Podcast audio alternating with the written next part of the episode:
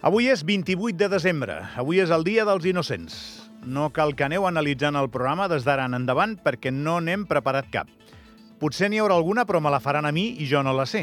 Per, per tant, de moment, que jo sàpiga, aquí no n'hi ha cap, eh? Ahir vaig estar una mica patxutxo com per preparar res i per què negar-ho? El tema ja no es porta, les coses com són, ha passat de moda. Hi havia un món quan jo començava en aquest gremi en el que la gent no s'ofenia per gairebé tot i es celebraven les innocentades. Eh, de fet, els, els mitjans competien a veure qui la feia més grossa. I quan dic els mitjans, dic els importants també, eh? no, no era un tema de la premsa local. Es portava molt això de les innocentades que no estan a zero, eh? però, però ja no estan com estaven. Defensar aquesta pràctica generant un gran debat em costaria perquè no porta aparellat un gran debat. És una tradició i a més és divertida i per mi ja n'hi ha prou. Jo m'hi pujo amb els dos peus i, i ben content. Però cadascú com és. Eh, de fet, treballant al bàsquet les havia fet quasi sempre, quasi cada any, i en els darrers temps ja notava que la gent jove no en tenia res. T'ho deia per les xarxes i dius això de les innocentades està a punt de passar de moda.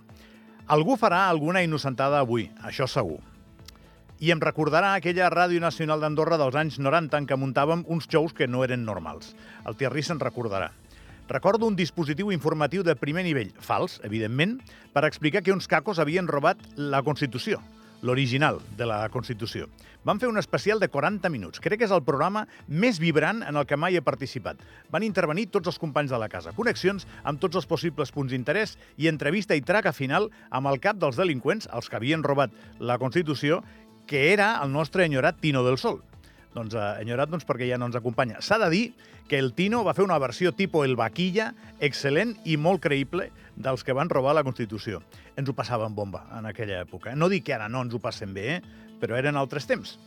Recordo ja quan, quan jo estava en el meu programa d'esports també als anys 90, quan vaig aconseguir que el president del Deportivo de la Coruña, Augusto César Lendoiro, cooperés explicant que Lucendo, que a l'època era el millor jugador del Futbol Club Andorra, fitxava pel Deport.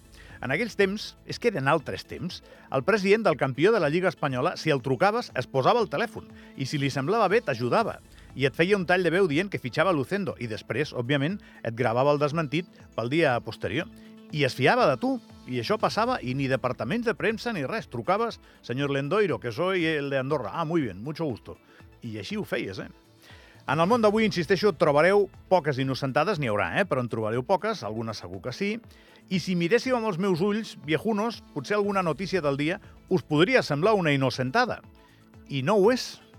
Enric Dolça diu que les darreres eleccions comunals no van ser netes.